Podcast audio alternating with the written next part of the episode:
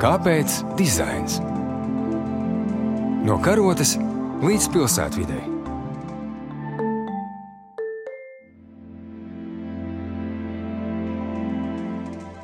Esiet sveicināti! Jau ilgāk nekā mēnesi mēs dzīvojam valstī noteiktā ārkārtējā situācijā.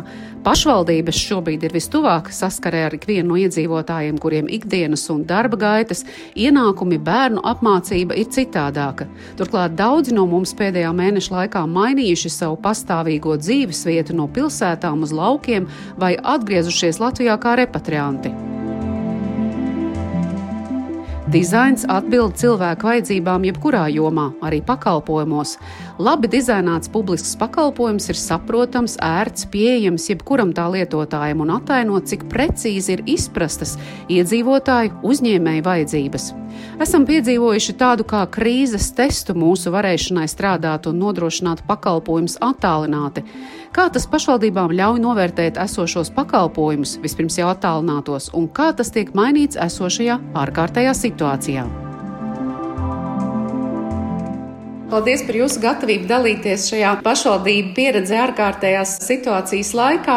Attālināti es tiekos tātad ar Kuldīgas domas priekšsēdētāju Ingu Bērziņu un ar Līvānu novadu priekšsēdētāju vietnieci Intu Kraukli. Labdien! Un man tiešām ir liels prieks, ka šī saruna šobrīd par pieredzi mums ir kopā, ka Līvāna satiksies ar Kuldīgu.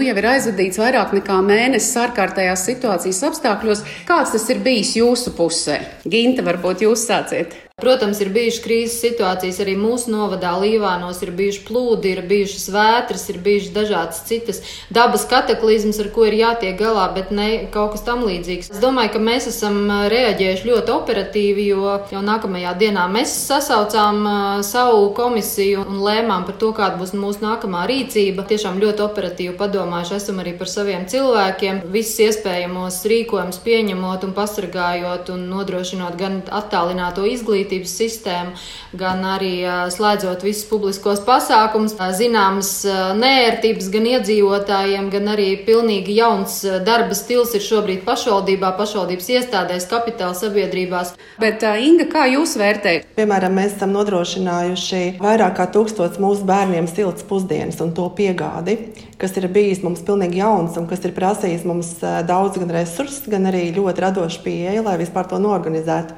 Un no pirmdienas piegādāsim siltas pusdienas jau vairāk kā 2000 bērniem. Un ne tikai pilsētā, bet arī apkārtējos pagastos. Jau trešā domas sēde tieši šodien notiks video konferences režīmā, izmantojot Zoom un arī mūsu DVS namejas platformu, caur kuru mēs balsosim. Es esmu sākusi katru pirmdienu pilnīgi visiem darbiniekiem rakstīt personīgu vēstuli lai sajustu to kopības sajūtu šajā laikā.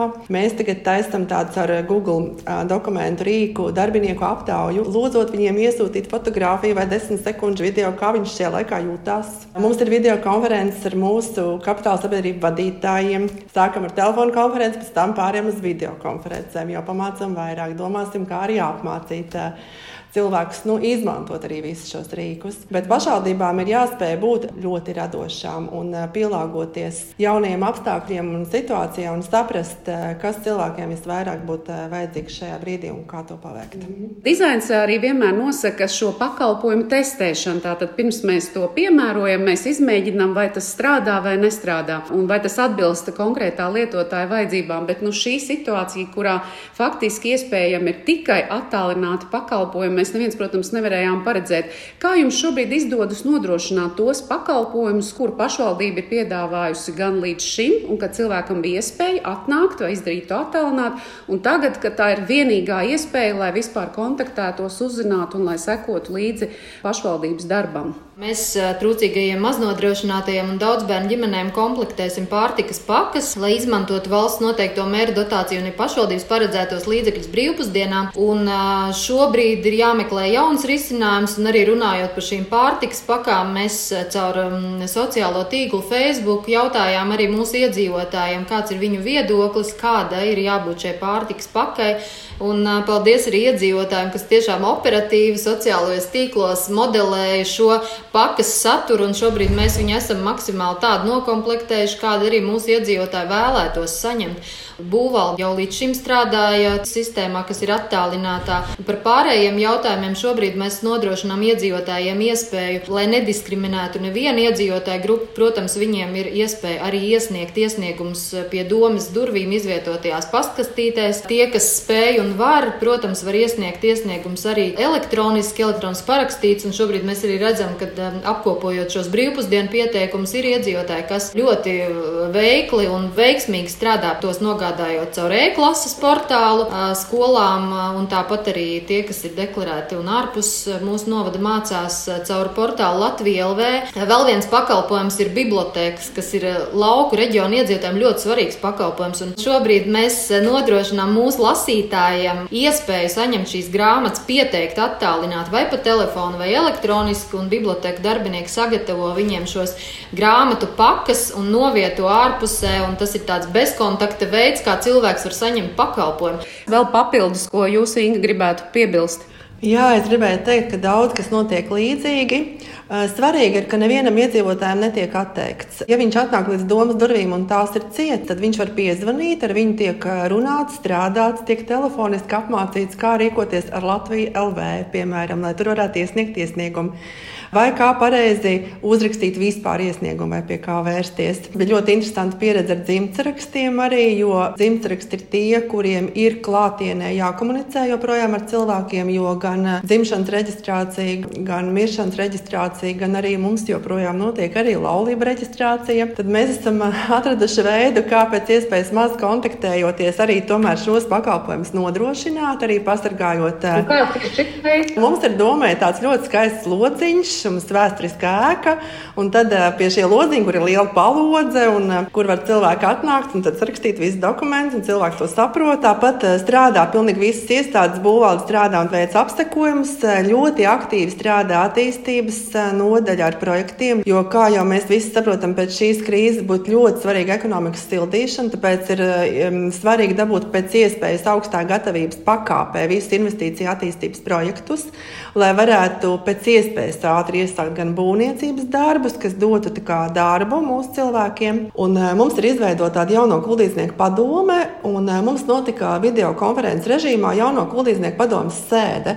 Protams, mums vienmēr liekas, ka cilvēki gados ir tie, kas satraucas vairāk. Bet īstenībā mēs sapratām arī, ka cilvēks starp 20 un 30 apmēram, kas mums ir šajā padomē, arī viņi jūt šo trauksmi. Un tas, ko mēs šobrīd darām, mēs strādājam pie tā, lai mums būtu pašvaldības apmaksāts psihologs. Tas iedzīvotājs var piezvanīt, var pieteikties un tādā videokonferences formā, lai viņiem varētu sniegt arī palīdzību. Pašvaldības šajā starpā ļoti labi komunicē caur dažādām WhatsApp grupām savā starpā. Tas ir ļoti labi, ka mēs ātri apmainamies ar informāciju un pārņemam viens no otra to labo pieredzi, kas ir, tas man liekas, arī ļoti svarīgi. Bet vai jūsu eh, šajā pieredzē ir bijusi nepieciešams kaut ko ļoti ātri mainīt, plānot no jauna. Nu, nav viss tik rožaini. Arī cilvēki mm, ne tikai gados, bet arī jauni, arī mūsu pašvaldības darbinieki administrācijās iestādēs, arī skolotāji. Viņiem šobrīd viss arī šī attālinātā mācīšanās, šie visi kanāli, kas ir attālinātie, elektroniskie. Un no vienas puses ir ļoti labi, ka mēs šo jauno šobrīd esam spiesti apgūt. Un arī mēs šodien pārspriedām ar saviem deputātiem dokumentu vadības sistēmā ieviest šo balsošanu, lai mēs eh, iet jau soli uz priekšu un, un dokumentu apriti jau mums notiktu šādā veidā. Un arī jauni ceļi ir meklēti šajā krīzē, tiešām arī saziņā ar iedzīvotājiem, jo cilvēkos lielā daļā šī krīze radījusi apjukumu, bažas, satraukuma pieaugumu. Sevišķi tiem, kas ir nolemti tiešām šai mājas dzīvei un ir jāstrādā no mājām, ir bērni jāskolo no mājām. Un tāpēc mums kā pašvaldībām noteikti nedrīkstam aizmirst savus iedzīvotājus. Mēs Līvānos izmantojam dažādas veidus, piemēram, sākoties šai krīzē, operatīvu momentā izlaižot izlīmējām visās kāpņu telpās vairāk kā 300 plakātus ar informāciju, ko tieši sagatavojām paši par šo covid krīzi, par to, kā darbojas iestādes, kur kas ir pieejams, kur zvanīt. Uzreiz arī pašvaldības laikrakstā izplatījām informāciju ar visiem iespējamiem tālruņa numuriem, lai cilvēks neatdurtos pret šīm slēgtajām domas durvīm, bet lai viņš var sazvanīt ne tikai sociālo dienestu, citus speciālistus, bet arī domas vadību. Un jebkurš eh, iedzīvotājs ir viena zvana attālumā no manis, no priekšsēdētāja, no izpildu direktora, un mēs risinām šos jautājumus. Varbūt tā ir tāda neliela pašvaldība priekšrocība, bet es domāju, ka mēs esam tiešām tādā ciešā saiknē ar saviem cilvēkiem. Un, un tas, ka darbs nav apstājies nevienu brīdi pašvaldībā, un viņš ir kļuvis vēl dinamiskāks šobrīd, to arī es varu apliecināt. Tā ir. Jā, jā mēs eh, saskārāmies ar problēmu, ka bija jāapgūst daudz kas jauns. No viena no piemēriem, ka mums pašvaldības nolikumā nebija iestrādāts, ka mums var domas sēdes notikt attālināti. Tas nozīmē, ka mums, eh, lai uzsāktu domas sēdes videokonferences režīmā, bija deputāti jāsasauc klātienē. Nu, mēs tikko sākām radās ārkārtējā situācija, izdarījām, eh, es domāju, diezgan radošā veidā, domas rāts laukumā, ārā, svaigā gaisā. Pieņēmām šo vienu lēmumu. Un uh, deputātiem pašiem tas visiem uh, ļoti patika. Bija pat ierosinājums, ka nāks labāks laiks, un varbūt ievērojot tos divus metrus, varētu arī kādu sēdi noturēt ārā. Kopš tā brīža arī mums tad, uh, sēdes visas notiek video konferences režīmā. Mēs arī strādājam un mācām jebkuru gan iestādes vadītāju, gan darbinieku, gan mūsu pašu darbinieku, gan deputātus, kuram, uh, ja nepieciešams, tiek piezvanīts, izstāstīts caur WhatsApp zvanu vai kā parādīts, kas ir uh, jādarbojās, kuras poks jāspiež, lai viņš varētu pilnvērtīgi kā tajā visā darboties. Un tad mēs mēģinām saprast, eh, nu, kas būtu tas uzņēmējiem tas vajadzīgais šobrīd. Un, uh, mums ļoti labi strādā Kuldīgas aktīvās atpūtas centrs kurš regulāri veic aptaujas, noskaidro. Un tad, izējot no šīm aptaujām, mēs arī piedāvājām uzņēmējiem attālinātas konsultācijas. Pieņemsim speciālistiem, kas var paskaidrot, kā pareizi valsts ieņēmuma dienestā iesniegt pieprasījumus par dažādiem pabalstiem, vai kā pareizi šajā brīdī kārtot grāmatvedību, vai kaut vai kā pareizi rīkot videokonferences. Kāpēc dizains?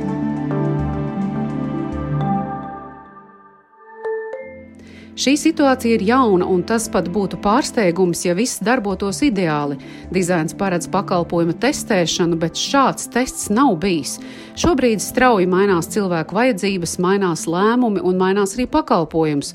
Būtiski mainīsies arī reģionālo autobusu satiksme. Vidzemes plānošanas reģionā pagājušā gada nogalē ieviesa pakalpojumu transports pēc pieprasījuma, kad 24 stundas pirms plānotā brauciena ir iespēja pieteikt vēlamo galamērķi. Tas palīdzēja iespēja noteikt, kur transporta pieejamība ir vissliktākā. Tagad, ievērojot visus drošības pasākumus, transports kursē citādāk. Par pakalpojumu sākotnējo izstrādi un tā pielāgošanu tagad stāsta Vidzemes plānošanas reģiona attīstības un projektu nodaļas vadītāja Laila Gercāne. Mēs sapratām no šo pasažieru aptaujas, kas jau pirms tam mums notika, ka šis pakalpojums dod cilvēkiem ļoti lielu drošības sajūtu. Gadījumā, ja viņiem ir vajadzīgs kaut kur nokļūt, viņiem ir šī iespēja. Šobrīd eh, šo braucēju apjoms ir ievērojami krities, bet par to mēs neskumstam, jo cilvēki, manuprāt, eh, ir ļoti tiešām apdomīgi Viņi izvērtē to situāciju un rīkojas ļoti atbildīgi. Un par to mēs arī cilvēkiem esam ļoti pateicīgi, ka viņi tā ļoti atbildīgi rīkojas. Jau pats pakalpojumu uzsākšanas sākuma posms, viņa dizainēšana, izstrāde, kā mēs to vēlētos un kāds viņš varētu izskatīties, notika diezgan ilgstoši. Braucām uz šīm pagastu pārvaldēm, runājām ar pašvaldību, ar cilvēkiem, ar pārvadātājiem, ar pakalpojumu sniedzējiem lai saprastu, kāds būtu no visiem aspektiem šis optimālais pakalpojuma dizains, veids, kā mēs viņu nodrošinām un cik bieži. Mēs bieži sūdzamies, ka mums tas cilvēku resursi ir maz un cilvēku ir maz. Un te man jāsaka, ka mēs droši vien nevienmēr pietiekoši labi izmantojam jau to esošo cilvēku resursu. Jo ļoti daudz cilvēku ir atgriezti no komunikācijas, daudzi dzīvo ārpus tās regulārās tikšanās iespējām un saziņas. Un uh, arī šajos apstākļos, kad ļoti daudz pakalpojumu pāriet uh, elektroniskā vidē, Mums ir ļoti intensīvi jādomā par to, kā mēs pakalpojumus nodrošinam un nogādājam viņus pie tiem cilvēkiem, kuri nav pastāvīgā interneta vidē, kuri nav pastāvīgā komunikācijā un varbūt pat tik bieži mēs neskatās televizoru un līdz viņiem šīs aktualitātes nenonāk. Bet tad, kad ar viņiem esam vērtīgā komunikācijā un kontaktā, mēs tiešām ļoti labas lietas un ļoti labus risinājumus no viņiem varam sadzirdēt. Kas varbūt bija tas būtiskākais, ko jūs tagad izmainījāt tieši šī pēdējā mēneša laikā? Mēs tagad plānojam braucienus tā, ka pēc iespējas mazāk cilvēki brauc kopā un ka tiek iesturēta šī distance starp cilvēkiem. Līdz ar to varbūt, ka reisi ir biežāk, jo mēs nevaram vienā reisā paņemt tik daudz cilvēkus. Tie mērķi, pēc kā vai uz kurien cilvēki dodas, kopumā nav mainījušies. Cilvēki brauc mazāk un brauc apdomīgāk.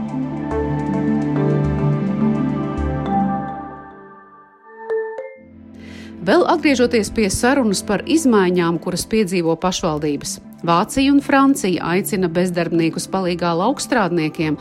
Latvijā visticamāk viestrādnieki tik drīz neieradīsies. Vai varam izmantot dīkstāvi liederīgi? Par to arī noslēdzošais jautājums.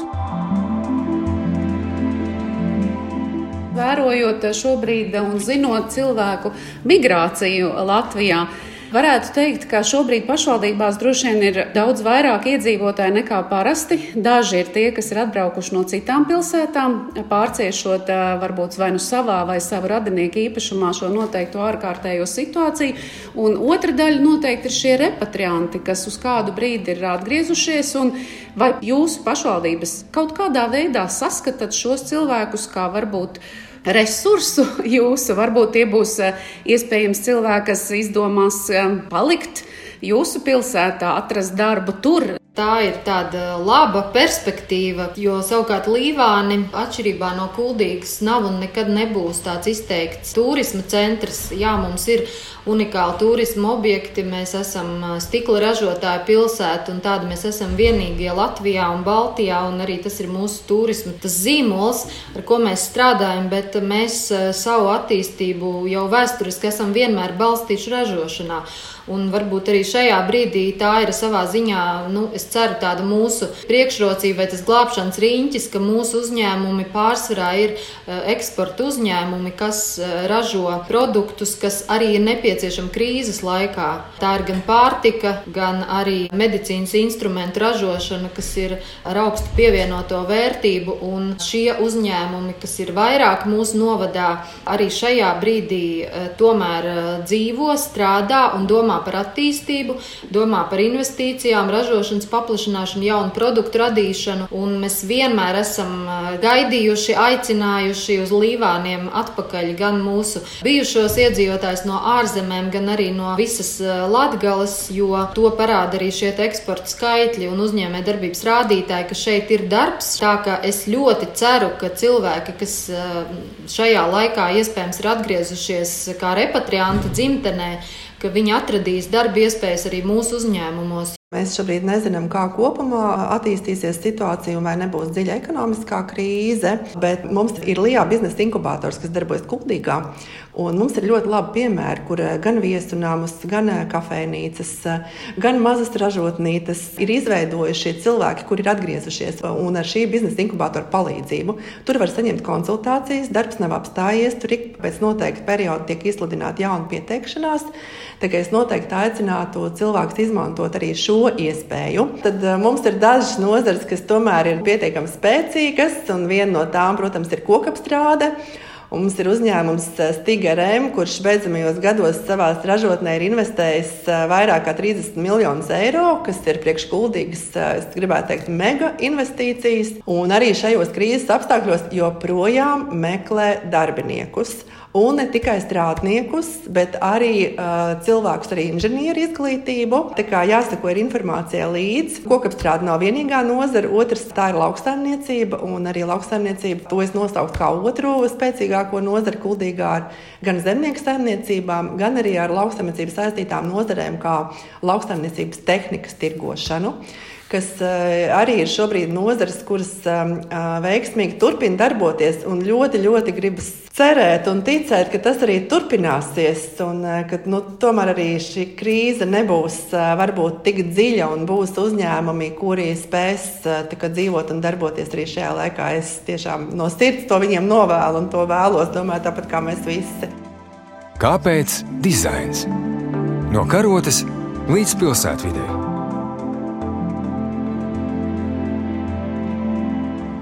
Pakalpojumu izveide liecina par ieinteresētību pret tā lietotāju un vērtībām, kuras aizstāv uzņēmums vai institūcija, kurš tā piedāvā. Tāpēc ik reiz, kad tas tiek uzlabots, tas ir kā apliecinājums vēlmei to vēl vairāk tuvināt lietotāju vajadzībām. Vēl pavisam nesen manas kolēģis Jeļenas veidotajā raidījumā par publisko pakalpojumu dizainu eksperti atzina, ka aicina cilvēkus mēģināt veikt kādu pakalpojumu mājās, neaizejot līdz institūcijai. Tā šobrīd ir mūsu realitāte un mācību stunda mums visiem. Radījums izskan, tā skaņu montēja Judita Bērziņa, jūs uzrunāja Ilza Dobele, raidījums tapis ar Kultūra Kapitāla fonda atbalstu un to klausieties arī savā podkāstu aplikācijā. Lai mums visiem veselība un radošs gars! Uz tikšanos!